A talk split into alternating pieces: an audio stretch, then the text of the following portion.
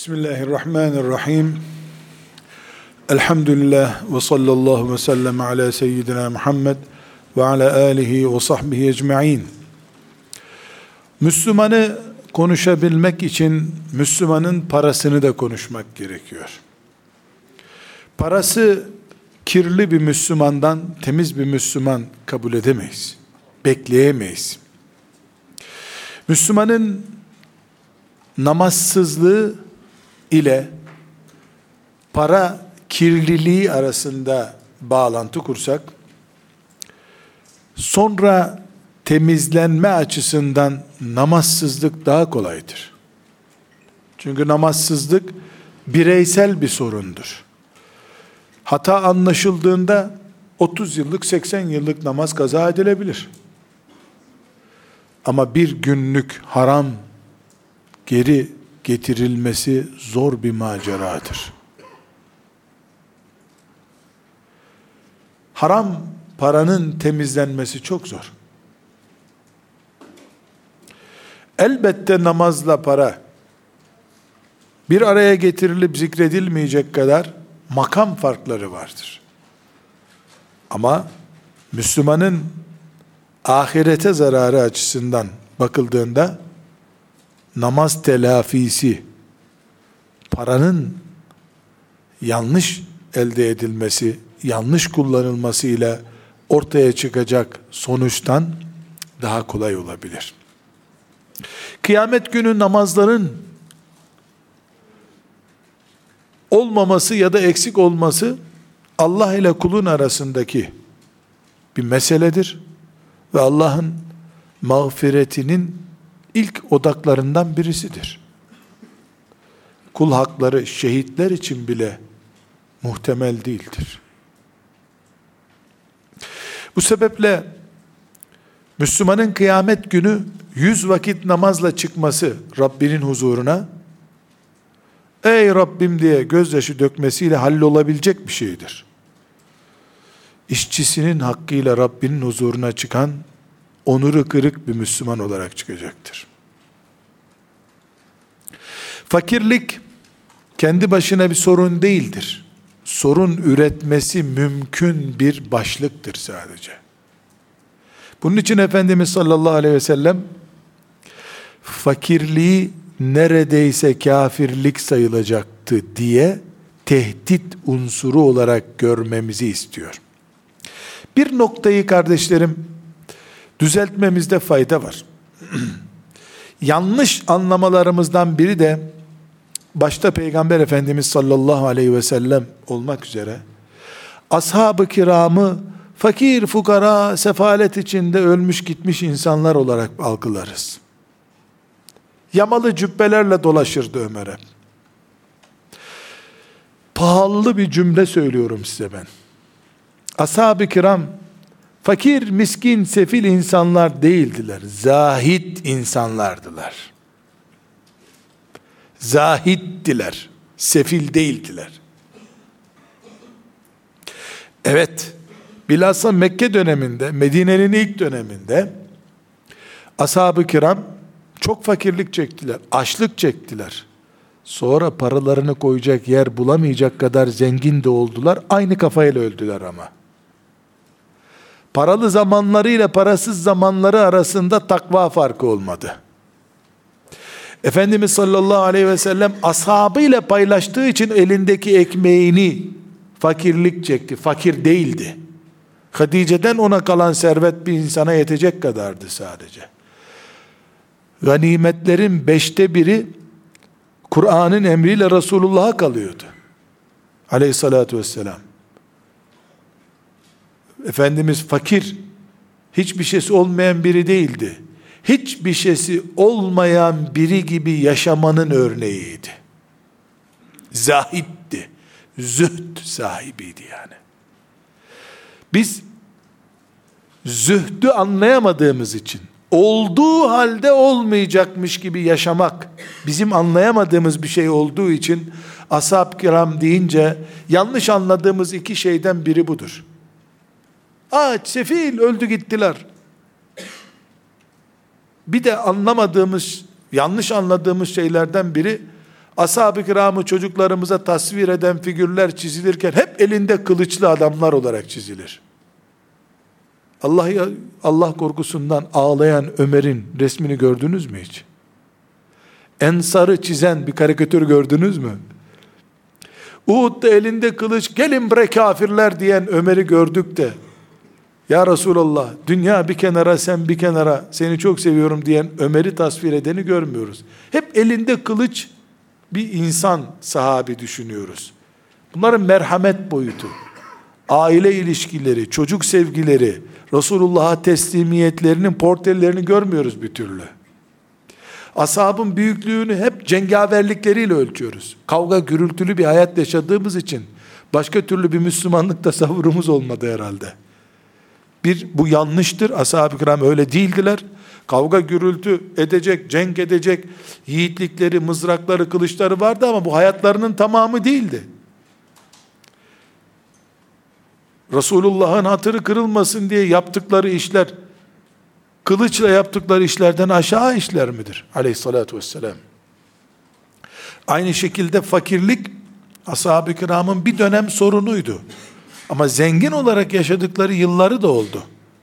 Serveti dağıtmakla bitmeyecek kadar zenginlikleri oldu ama şımarmadılar. Büyüklük de buradan geliyor zaten. Zühdleri bozulmadı. Yokken ki boyun büküklükleri varken de devam etti. Bizim de aradığımız, hasretini çektiğimiz, yarının iş adamları için temenni ettiğimiz şey budur. Yokken ki mütevaziliği, dolu dolu kasaları varken de sürsün. Böyle olması Allah'ın kullarından istediği şeydir. Bu sebeple kardeşlerim, fakirlik, dindarın vazgeçilmez rengi değildir. Fakirlik duası yapılamaz. Ya Rabbi fakirlik dilerim senden denemez. Fakirlikten Allah'a sığınılır. Hayır, Rabbimin kaderi fakirlik olarak tecelli ederse onu da başüstü ederiz. Fakirliğin gerektirdiği tatbikat neyse onu yaparız. Fakirlik yani mala ihtiyaç bizim de örneğini gördüğümüz şekliyle Müslümanın zillete düşeceği, onurunu kırmaya sebep olacak işler yapacağı bir sorundur. Bunu özellikle tekit ediyoruz.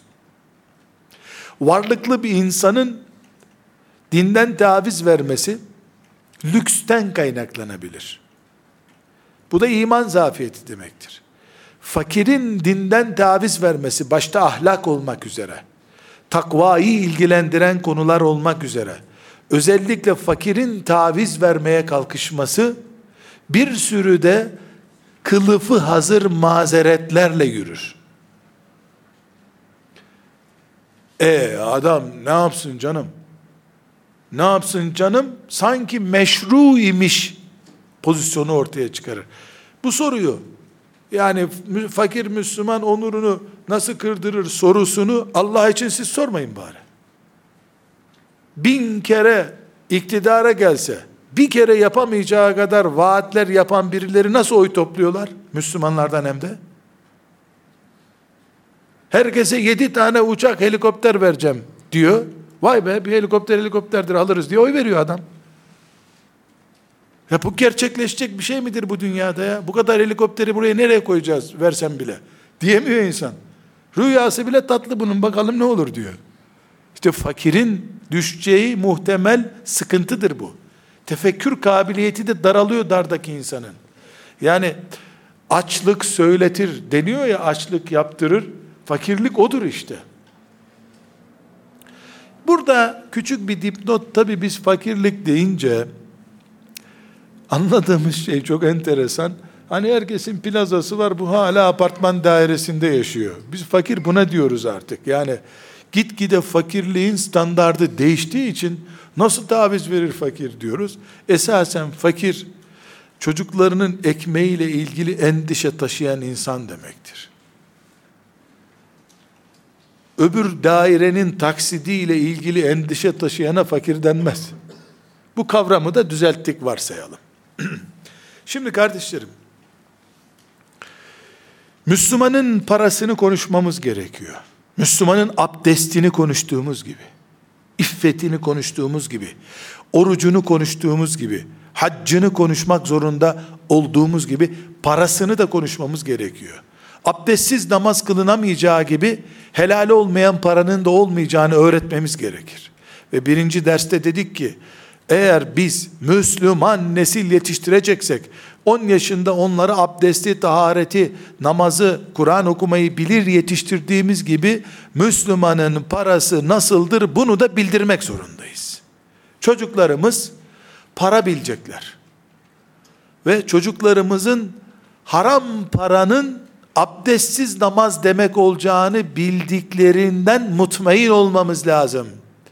Ben Müslüman çocuk yetiştirdim, dinimi öğrettim diye rahat edecek bir baba bu baba olabilir. Kur'an da öğrettim, namaz da öğrettim. Helal haram nedir? Kimle evlenilir, kimle evlenilmez bunu bildirdim. Faiz bildirdin mi?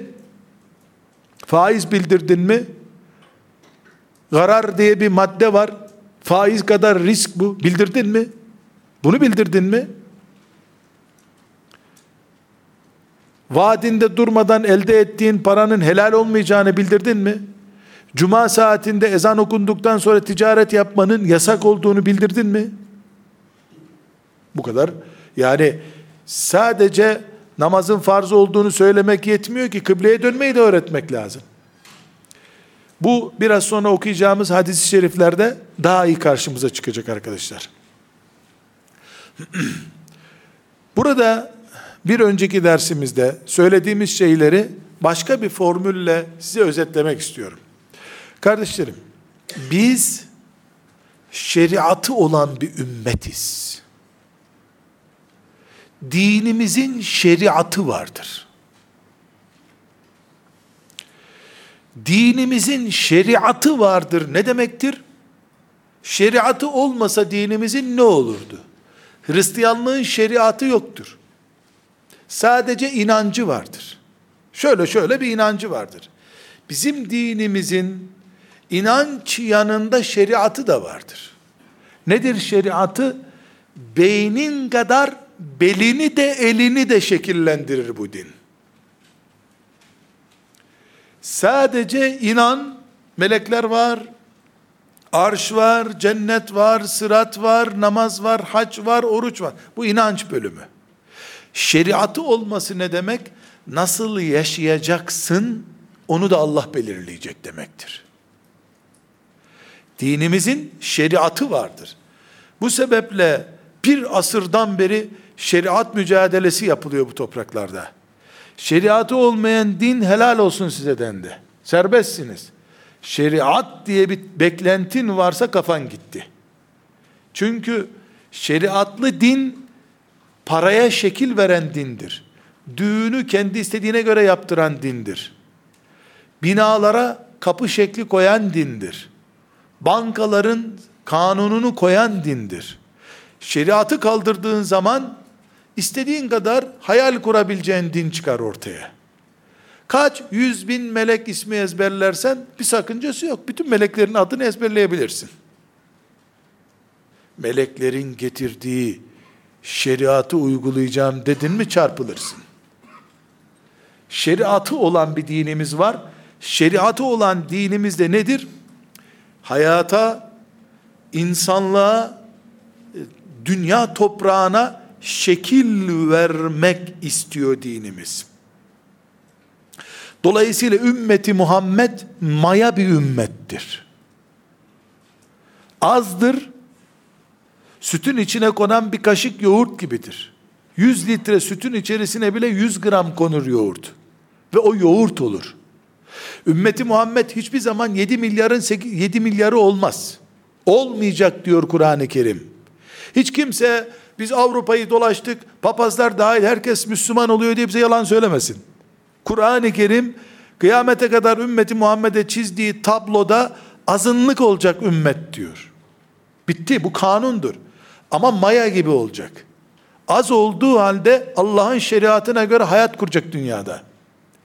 Ashab-ı kiramda olduğu gibi 100 bin kişiyle 3 kıtayı ele geçirdiler. Paris'e 100 kilometre kadar yaklaştılar. 100 kilometre Paris'in kapısına geldiler. Çin sınırına dayandılar. Peygamber aleyhisselamın vefatından sadece 100 sene sonra. Bu ümmeti Muhammed'in bir şeriat ümmeti olmasından kaynaklanıyor. Bu ümmet şeriat ümmetidir. Yani hayata verecek rengi vardır. Yeryüzünde kurmayı murad ettiği bir düzeni var Allah'ın. O düzen bu ümmetin eliyle kurulacaktır. Dolayısıyla bu ümmet Allah'ın maya olarak gönderdiği bu ümmet maya karakterini bozmayan bireylerden oluşmalıdır. Zira ekşi yoğurttan maya olarak sütü mayaladığın zaman bozuk yoğurt üretirsin. Onun için bu ümmetten bir kişinin faiz yemesiyle Avrupa'nın ortasında bir Hristiyanın faiz yemesi aynı şey değildir. Sütün bozulması ile mayanın bozulması arasındaki farktır bu.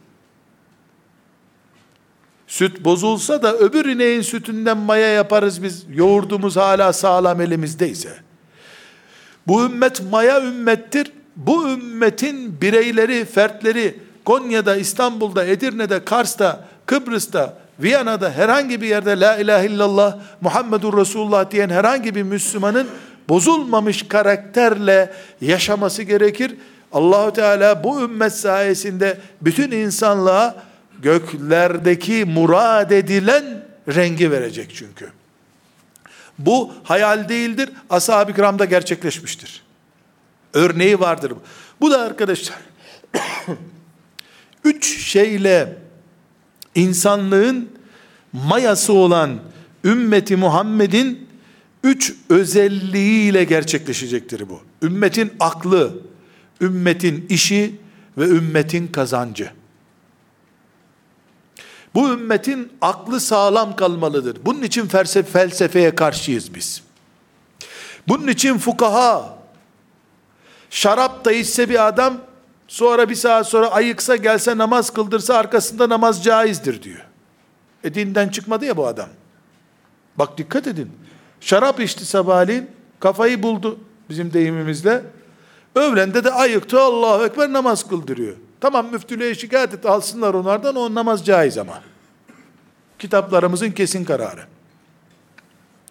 Aynı adam yahu bu Kur'an-ı Kerim'le devlet olur mu canım? Bu zamanda olmaz bu işler dedi. Yani sekülerist hoca efendi oldu. Arkasında namaz yok. Çünkü akıl kirliliği var. Akıl kirliliği var.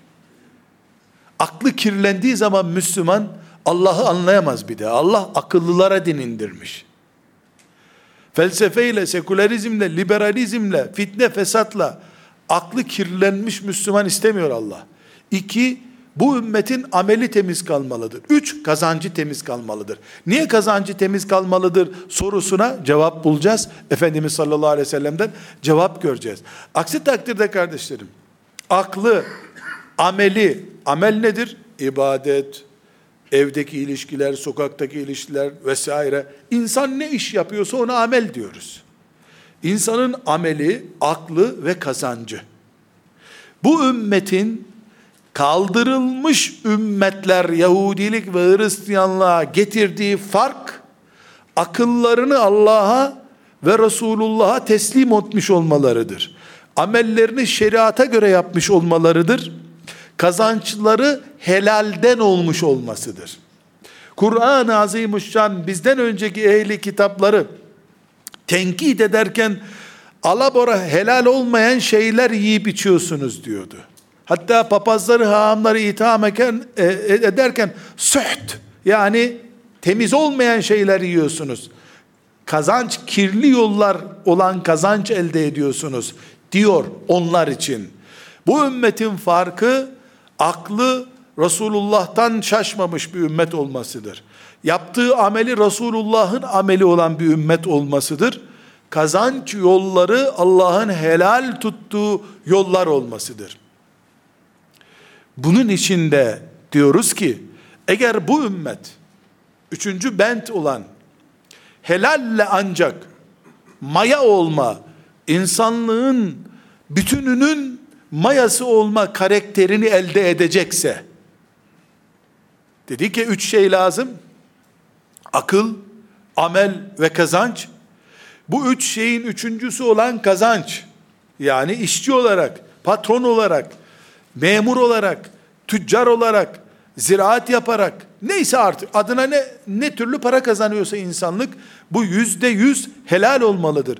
Bunun helal olması, bu ümmetin yeryüzünde var olmasının üç nedeninden biridir.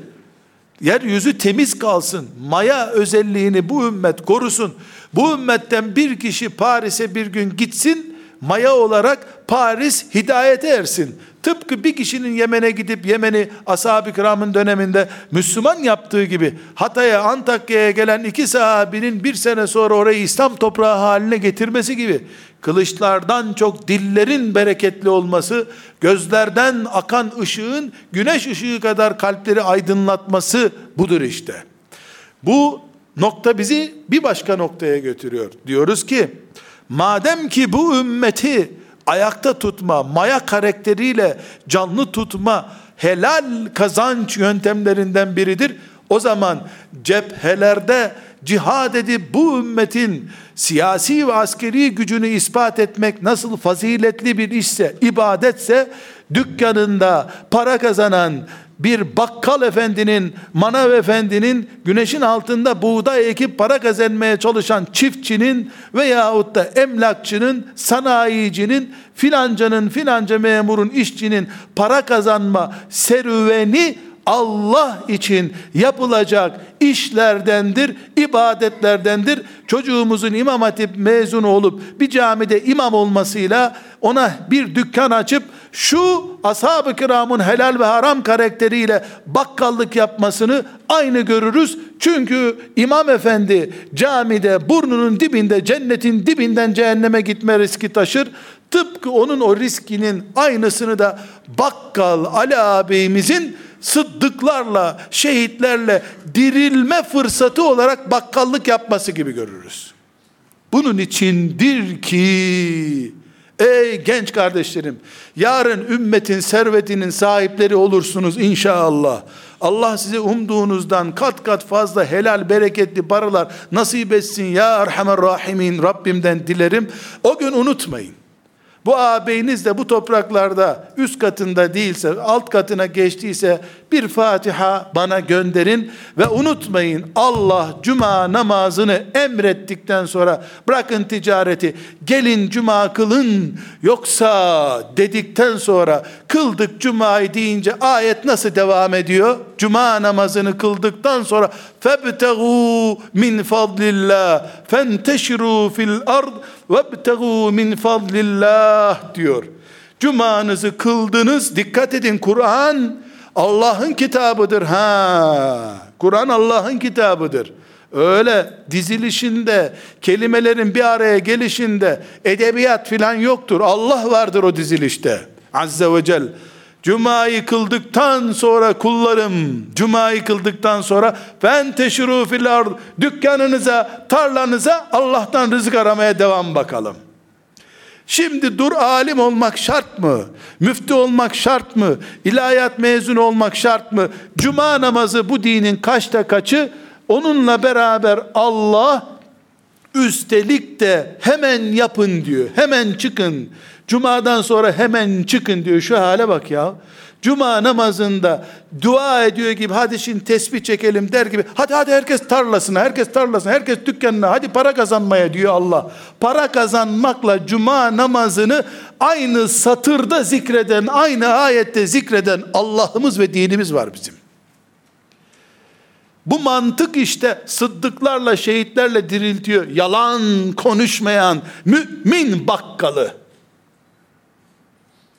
Ve işçisi diyor ki onun için 30 senedir bu adamın atölyesinde çalışıyorum. Bu çocuklarının ekmeğinden önce benim hakkımı düşünür. Bu ay benim maaşımı geciktirdiyse demek evine de ekmek götürememiştir. Patronuma helal olsun üç gün gecikme diyor. Güven vermiş işçisine. Ya Allah! İslam toplumundan söz ediyoruz işte. Sarıktan, sakaldan önce söz ediyoruz. Çünkü hiçbir sarık ve hiçbir sakala, hiçbir cübbeye, hiçbir iftar sofrasına sıddıklarla, şehitlerle dirilmek diye bir vaadi yoktur Efendimizin. İslam standardı. Onun için gençler İnşallah 20 sene sonra dünya hangi çukura yuvarlanırsa yuvarlansın, ister Mehdi gelsin, ister başka biri gelsin veya gelmesin, siz bu ümmetin örneği olun. Cuma namazıyla para kazanmayı aynı surede, aynı ayette, aynı satırda zikreden Allah'ı sakın unutmayın. Sakın unutmayın. Vaat ettiği cenneti de peygamberinin dilinden verir Allah. Hamza'nın parçalanmış cesedine bak. Akşam Z hesabı toplayan bakkal abiye bak, birleştikleri yere bak. Ama bundan küçük bir dipnot daha çıkıyor. Aman Allah'ım, mızrakların altında parçalanmak kadar zor bir şey bakkalda yalan konuşmamak demek. Aa. Demek ki esnafın güven vermesi, müteahhit ve yalan konuşmuyor. İnna lillahi ve inna ileyhi Gökten mi indi bu müteahhit? Yalan konuşmuyor la adam. Salı günü dedi, salı günü. Allah Allah, Allah Allah. Yok canım, büyük bir saatikarlık yapacak. Onun için gününde sözünde duruyor herhalde. bir dahakinde ödemeyecek. Ya şu halimize bak. Şu hale bak. Allah'ın milyar kere lanet yağdırdığı banka güvenli bir kurum oluyor da Allah diyen lisanın sahibi mümine güvenilmiyor. Ve lanet etme sırası geldi mi Yahudiden başlıyoruz. E, Yahudi olmasa biz evliya olmuştuk hepimiz. Sanki Yahudi geldi lütfen beşer kere yalan konuşun deyin dedi bize sanki. Demek ki sadık, güvenli tacir olmak öyle kolay bir şey değil. Bu bir cihat. Cihat olduğu için Hamza ile beraber gel bakalım diyecek Allahu Teala. Cuma namazına gitmek kadar ciddi bir iş bu kardeşlerim. Ciddi bir iş bu. Onun için onun için helal kazanmak helal kazanmak bir alem ya. Sahih bir hadis olmamakla beraber bir hatırayı kardeşlerim sizinle paylaşmak istiyorum. Tekrar diyorum sahih bir hadis değil ama kitaplarımızda var. Efendimiz Aleyhisselam'ı bir eve çağırıyorlar. Misafir, bir mahalleye yani diyelim çağırıyorlar. Ee, işte filancanın evine gelecek. Orada herhalde bir çorba ikram edecekler ona. Oradaki e, Müslümanlardan birisi de peygamber bu mahalleye geliyor aleyhissalatü vesselam. O da davet edilmediği halde gitmiş. Gitmiş ama o arada da tarlada çalışıyor. Üstü başı gübre, pislik. Tarlada çalışırken peygamber geldi diye koşmuş. Elleri de bütün nasır tutmuş adamın çalışmaktan. Şimdi gitmiş Efendimizin yanına oturmuş. Ben böyle tasvir edeyim sahneyi size. Şimdi ev sahibi de ya 40 yılda bir peygamber evimize geldi. O oturup işte hürmet edecek, elini öpecek diyelim yani.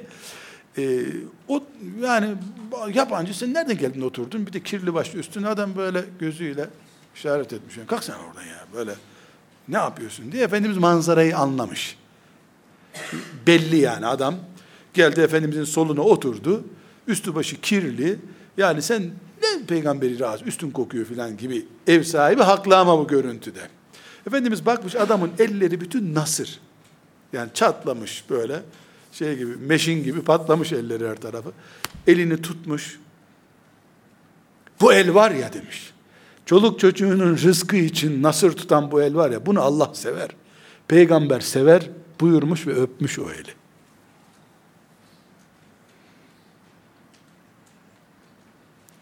Çünkü o peygambere inen Kur'an cuma namazından sonra işinize gidin diyordu. İbn Teymiye diyor ki o zaman da varmış demek ki. Yahu diyor bazı Müslümanların hiç aklı çalışmıyor diyor. Ben bunu mizansen olarak anlatıyorum böyle. Cuma günü tatil olsun diyorlar diyor. Hristiyanlar cumartesi tatil yapıyor. Pazar, pazar günü Hristiyanlar, cumartesi Yahudiler. Bizim de cumamız olsun diyorlar. Bunlar ne kadar gafil Müslüman. Allah işe gidin diyor. Cuma namazından sonra bunlar tatil yapın diyorlar diyor. Böyle bidat olmaz diyor. İktiza Sırat-ı Müstakim diye bir kitabı var. Sadece o bu konuya temas ettiğini bildiğim için ben özellikle ondan örnek veriyorum. Yani şu hale bakınız arkadaşlar. Cuma namazını kıldınız. Ne oturuyorsunuz caminin bahçesinde? İşe gidin ya Allah buyuruyor. Demek ki Cuma standardı devam ediyor. Neyle? Helal kazanmakla. O zaman arkadaşlar Müslümanın helal para kazanması bir cihat çeşididir, bir ibadet çeşididir. Ya Allah!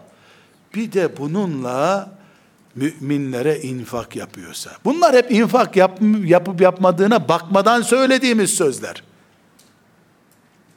Bir de bir de camisinin ihtiyaçlarını karşılıyor mahallede.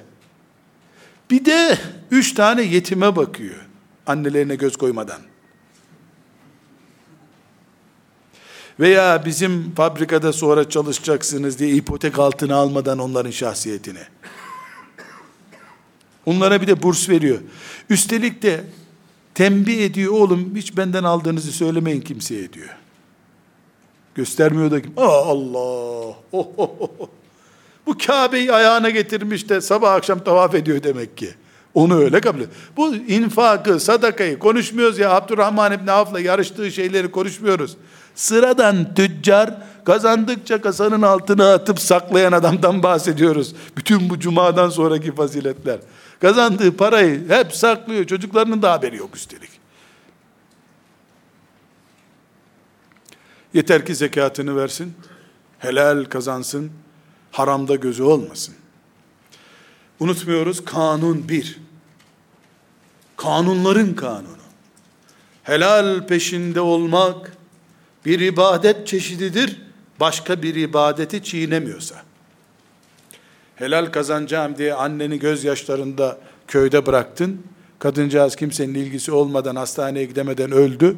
Sen Suriye mücahitlerine yardım etmek için de para kazanıyorsun.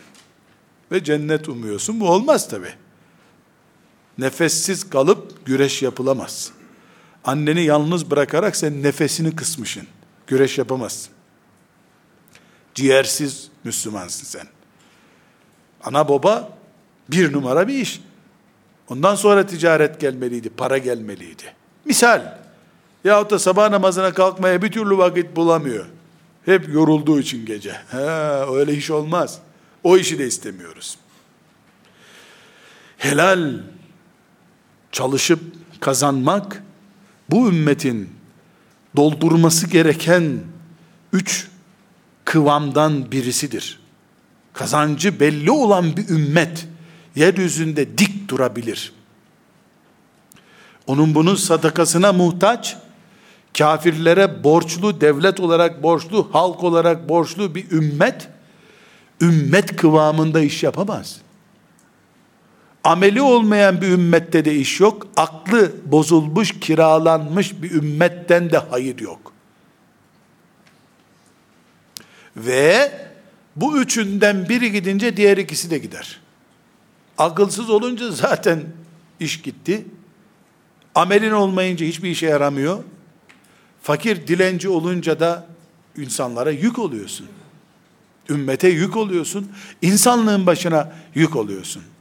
Kardeşlerim, bir hadisi şerif Tirmizi'den naklediyorum. Ka'b bin Ucre isimli sahabiye Efendimiz sallallahu aleyhi ve sellem bir nasihatte bulunmuş. Uzunca bir sözdür bu. Bizimle ilgili bir bölümünü sadece burada nakledeceğim. Helal kazanmayı ne olarak görmemiz gerektiğini anlatıyorum. Çocuklarımıza yarın doktor olacaksın diyelim. Elbette diyelim. Müslüman doktor olacaksın diyelim. Müslüman siyasetçi olacaksın diyelim. Müslüman tüccar olacaksın da dememizde sakınca yok. İş yapamayan çocuklarımızı değil, matematiği iyi bilen çocuklarımızı tüccar yapalım. Allah'tan korktukları sürece siyasetten daha çok hizmet yaparlar. Siyasetçi oraya gelebilmek için tüccardan çok para harcıyor. Dünyada siyaset, askeriye, her şey paranın etrafında dönüyor. Para kazanan çocuklarımız olsun. Okul bitirememiş çocukları çırak vermenin ne manası var? Ve Ka'b bin Ucre'ye Efendimizin bir ikazı var. Buyuruyor ki, Ka'b diyor, haramla gıdalanmış bir et ancak cehenneme layıktır diyor. haramla gıdalanmış et kime kastediyor? Yediğin lokma senin etinin büyümesini sağlıyor. O ancak ateşe layıktır.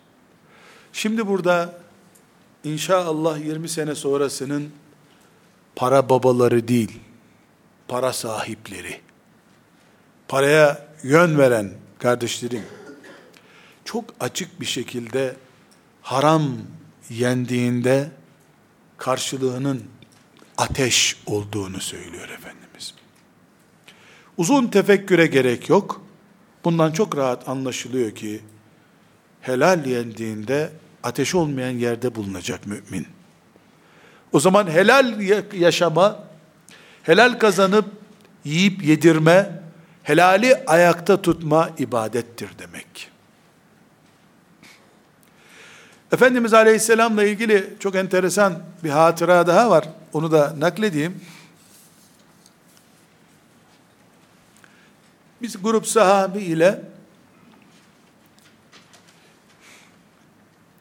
bir yol geçiyorlar. Birisi öyle bir çalışıyor ki onlar geçerken onu uzaktan görüyorlar tabi. Yani adam üç kişilik, dört kişilik gibi kazma sallıyor. Öyle bunu yani bütün dağı devirecek gibi çalışıyor. Ashabtan biri demiş ki ya Resulallah adam ne çalışıyor ya? Adam var ya cihat yapsa bu kadar cennete girerdi. Adam bu enerjiyi cihatta harcasa yani. Buyurmuş ki bakın onun eğer anne babası yaşlı onlara bakmak için böyle çok çalışıyorsa o da cihat yapıyor. O da cennettedir buyurmuş. Çoluk çocuğum muhtaç olmasın kimseye diye böyle çok çalışıyorsa o da cihattır. O da cennettir ya. Dikkat edin arkadaşlar şu işe bakın ya. Adam vakıf görevlisi olarak iş yapmıyor. Tarlada çalışıyor adam. Daha çok hurma ekecek, daha çok hurma yetiştirecek, satacak, para kazanacak adam. Ve bunları getirip Medine'de ashab-ı suffaya dağıtırsa cennete girecek demiyor. Kendi çoluk çocuğuna harçlık çıkaracaksa diyor. Bakın daha da kalitelisi. Ya o kimseye yüz suyu dökmeyeyim, onurlu bir Müslüman olayım diye çalışıyorsa o da o yoldadır buyuruyor. Kimseye yüz suyu dökmemek için çalışmak, borç istememek de Müslümanlıktır.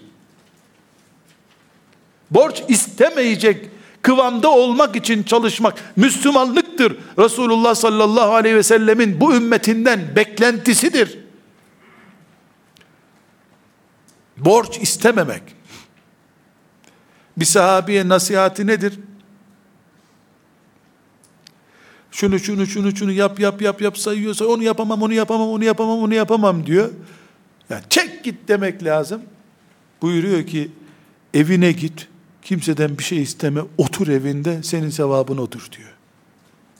Neden? Sen Müslümanların başına dertsin çünkü.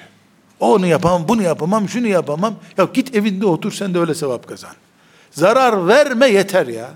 Negatif olma, pozitif de olma. Nötrün sevabı olsun senin. namazı kaza etmekten sıkıldığı gibi burs istemekten sıkılmalı Müslüman genç. Bu örneğim iyi anlaşılsın ama. Nasıl namaz kazaya kalsa da utana sıkıla gene kılacaksın. Üstelik de hemen kılacaksın. Demek ki burs da alabilir, alamaz demiyorum. Ama günler 24 saat olduğu sürece burs almamalıdır bir Müslüman. Yardım almamalıdır. Gün 24 saat. 8 saat çalışıyor. 8 daha çalışsın. Burada kardeşlerim ısrarla zihinlerimizi Peygamber aleyhisselamın aklına ayarlamaya çalışıyorum. Camide namaz kılmakla tarlada çalışmayı, işçi çalıştırmayı, işçi olmayı, ticaret yapmayı, para kazanmayı aynı kefeye koyuyorum. Elbette camide namaz kılmak milyon sevaptır. Bu da 950 bin sevaptır. Veya 600 bin sevaptır. Onu Allah bilir. Aynı değil cuma namazı ile elbette tarlada çalışmak. Ama aynı ayette zikrediliyorlar. Sabah namazı ile öğle namazı da aynı değil sevap olarak.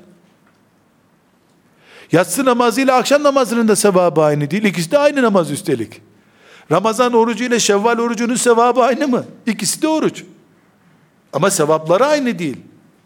Yasakları aynı değil. Bu da bu ümmetin karakterinden birisidir. Bu ümmet aklını kaybetmeyecek. Bu ümmet amelsiz kalmayacak. Bu ümmet kazancı meçhul bir ümmet asla olmayacak. Sadaka değil, toplayan değil, sadaka dağıtan bir ümmet olacak. Bu ümmetin karakteri budur. Böyle bir ümmet istiyor sallallahu aleyhi ve sellem Efendimiz. Kardeşlerim, bir hadisi şerif yine Tirmizi'den dikkatinizi çekmiştir. Özellikle Cuma hutbelerinde çok okunan, Müslümanların çok duyduğu hadisi şeriflerdendir. Bir Müslüman iş yerine giderken, işçi çalıştırırken, para kazanırken bu hadisi unutmamalıdır. Ne diyor Efendimiz sallallahu aleyhi ve sellem? Kıyamet günü beş şeyin hesabını vermeden kimse ayağını kıpırdatamayacaktır buyuruyor. Bunlardan birisi de nereden kazandın, nereye harcadındır. Nereden kazandın, nereye harcadın? Bunun hesabını vermeyen hiç kimse kıyamet günü ayağını kıpırdatamaz. Namazların elbette hesabı verilecek. Orucun elbette hesabı verilecek. Ana babayı ne yaptığımızın elbette hesabı verilecek. Arkadaşlar bir hadis-i şerif daha okuyalım. Buna da yer açılsın istiyorum. Bugünkü kadar ümmeti Muhammed'in imkan yakaladığı bir dönem dünyada olmamıştır zannediyorum. Fakirlik neredeyse kalktı. Ulaşım, bilişim, iletişim, bütün imkanları var ümmetin. Afrika'da açtan öldü denen insanların görüntülerine dikkat ediyor musunuz? Cep telefonları var yanlarında ama. Açtan ölüyor, çocuğu ölüyor, cep telefonu var. Çocukların elinde bilgisayar var. Hepsi de yok belki ama yani ekmek kadar bilgisayar da var. Bu ümmet bugünkü kadar Kur'an'la baş başa kalma fırsatı belki ashab-ı kiram döneminde de yakalayamamıştır. Sadece Allah'ın bir mucizesi olarak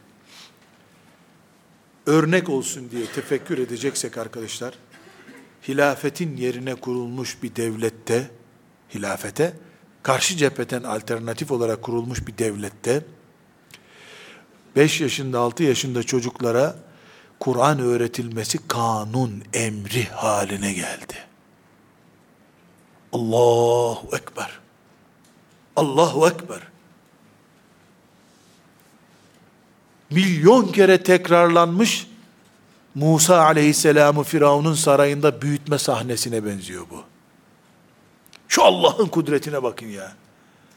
Bu ne büyük intikamdı da o hali oluşturanlar bu dünyadan çekip gitmeden nasıl tükürdüklerini ve kustuklarını Allah yarattı, yalattırdı.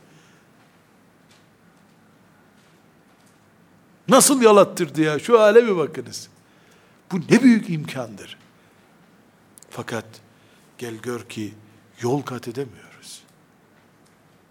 Dua ediyoruz, olmuyor. Ağlıyoruz, olmuyor. Kadir gecesi ne törenler yapıyoruz, olmuyor bir türlü. Bir türlü olmuyor. Bunu da Sahih-i Müslim'de 1015. hadis-i şerifte görüyoruz arkadaşlar. 1015. hadis-i şerif. Efendimiz sallallahu aleyhi ve sellem buyuruyor ki, saçı başı toz duman birbirine karışmış insanlar, ellerini açıp dua ediyorlar, Ya Rab, Ya Allah diye yalvarıyorlar. Duaları kabul olmuyor yemeğine, içeceğine veya elbisesine haram karışmış. Yediği yemeğe, içtiği suya, giydiği elbiseye haram karışmış birine hangi Allah buyur der diyor. Canlarım, kardeşlerim, baş başayız. Gelin Siyonizme kabahati yüklemekten vazgeçelim. Onu yaşlı bir feşli dedeye bırakarız, o işi halleder Allah'ın izniyle. O bizim gibi delikanlıların yapacağı iş değil. O felçlilerimizin inşallah yapacağı iş. Bu hadisi şerifi unutmayalım. Göklerden niye geri gönderiliyoruz? Niye bir türlü sinyal alamıyoruz, bizim sinyali almıyorlar? Çok net hadis-i şerif.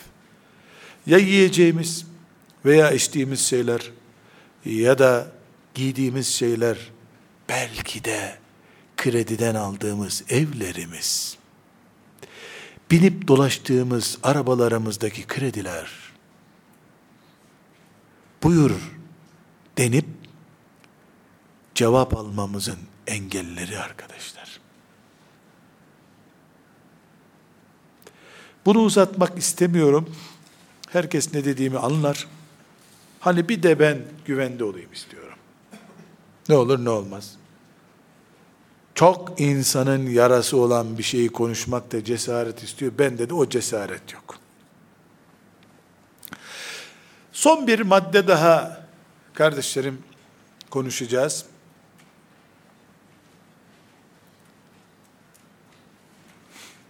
Bir hadisi şerif kulağımızda küpe olsun. Burada dinleyelim. Bu dersi de bitirelim.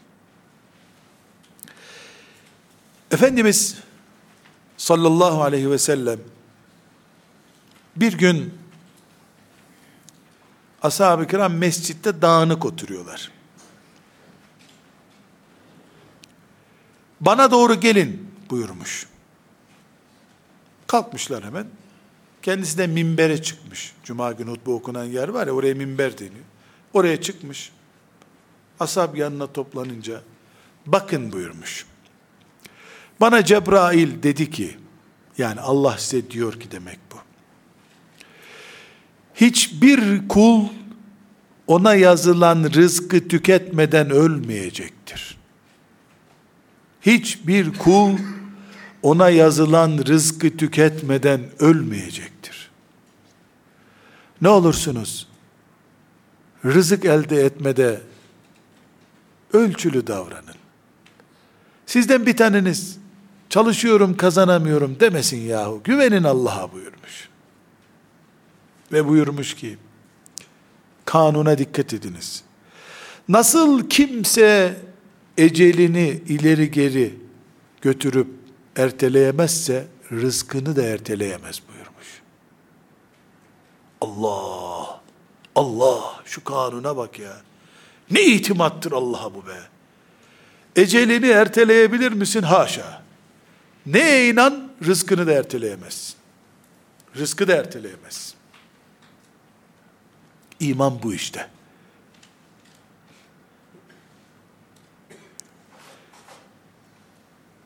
Yani eceli geldi öldü oluyor da niye patron işten attı diye işsiz olsun? Allah'ın vermek istediği rızkı hangi patron engelleyebilir? Mümkün mü bu dünyada bu? Elbette her gün bir iş değiştir teklifi değil bu. İnsanca, onurlu ve şartlarını yerine getirilmiş şekilde işini, protokolünü yap. Ama işten atılma tehliken olmasın. Seni öldürebilirlerse ecelin gelmeden, rızkın da bitmeden aç bırakabilirler. Öyle diyor sallallahu aleyhi ve sellem Efendimiz. Bundan anlaşılıyor ki kardeşlerim, bizim rızık davamız aynı zamanda ecel davamız gibidir. Ecelimizi kimin elinden biliyorsak biz hayatımızı, rızkımızı da onun elinden bilmek zorundayız. Tekrar sözlerimi topluyorum kardeşlerim.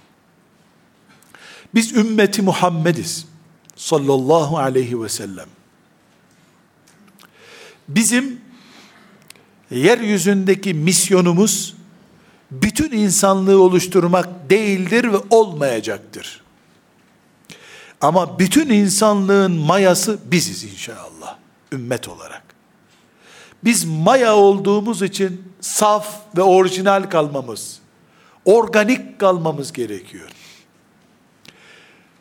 Organik kalabilmek için de, doğal kalmak için de aklımızın bozulmaması, başta laiklik olmak üzere, şu bu sistemlerin beşeri çöplüklerin bizim dolaştığımız yer olmaması lazım.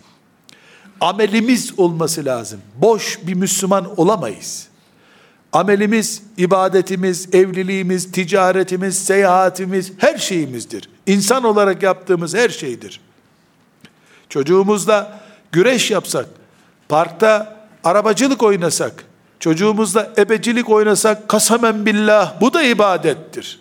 Peygamberimin yaptığı işlerdendir. Ve aynı şekilde biz kazancı üzerinden de projeleri olan bir ümmetiz. Bunun için kul nereden nereye hesabını vermeden ayağını kıpırdatamayacaktır kıyamet günü.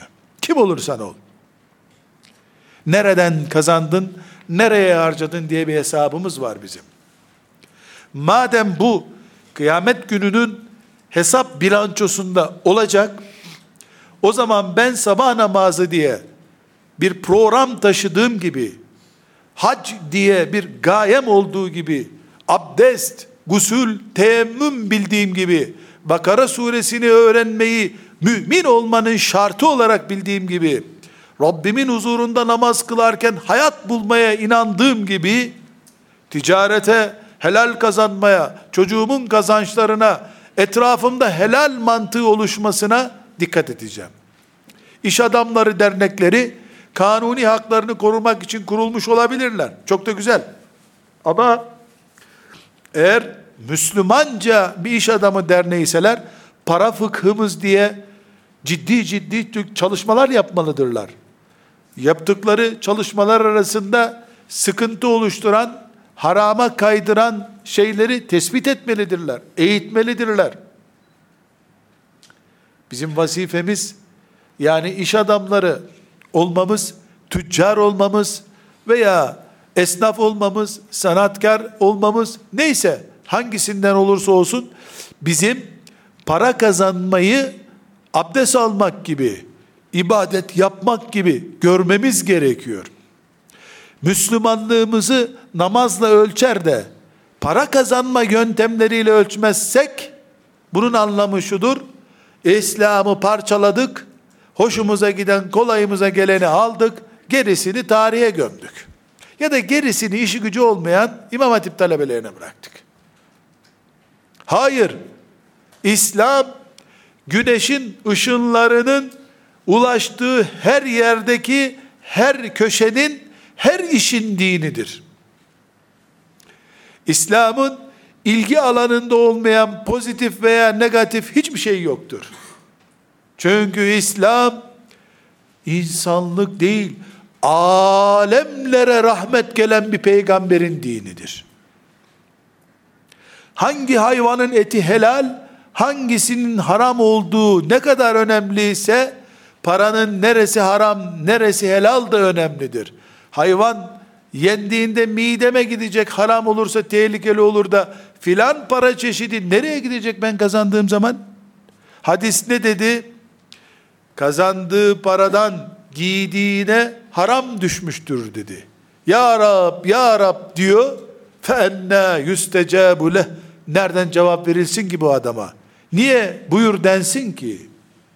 Neden? Elbisesinde haram var. Bir de kardeşlerim, son bağlama sözü olarak bu haramı sık sık kullandık. Haram domuz etidir. Billahi böyledir. Alkoldür. Billahi böyledir. Faiz. Bu daha kötü haram olmaz zaten. Elbette zina yapan bir kadının maazallah ücret olarak bir şey alması çirkin bir çirkin haramdır. Hırsızlık yapanın ki haramdır. Gasp haramdır. İnsanların alın terinin kurumadığı şeylerle kazanılan her para da haramdır. Mer'i yasalarla da olsa kimsenin malımız üzerinde hak iddiası olmamalıdır. Müslüman mer'i yasaları yok sayarak iş yapabilir. Özel anlaşmalar yapabilir.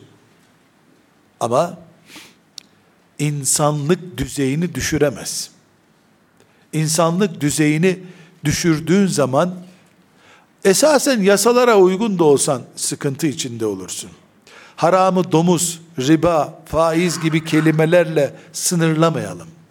Şu zamanda faiz bir numaradır. Domuz eti zaten ucuz ve kalitesiz et olduğu için çok yaygın değil bereket versin. Alkol de zaten araç kullanmaya engel olduğu için bir nebze ama faiz hep zirvede. Hep zirvede. Bin çeşit ismiyle zirvede. Foksek, soksek bir isim bulup faizi çıkarıyorlar karşımıza. Bir de başkalarının teri bizim cebimize geçiyor. Bu da iyi bir haram çeşidi. Buna da dikkat ediyoruz ve böylece Rabbimizin huzuruna kimsenin hakkı bizde kalmamış olarak geçiyoruz. Velhamdülillahi Rabbil Alemin.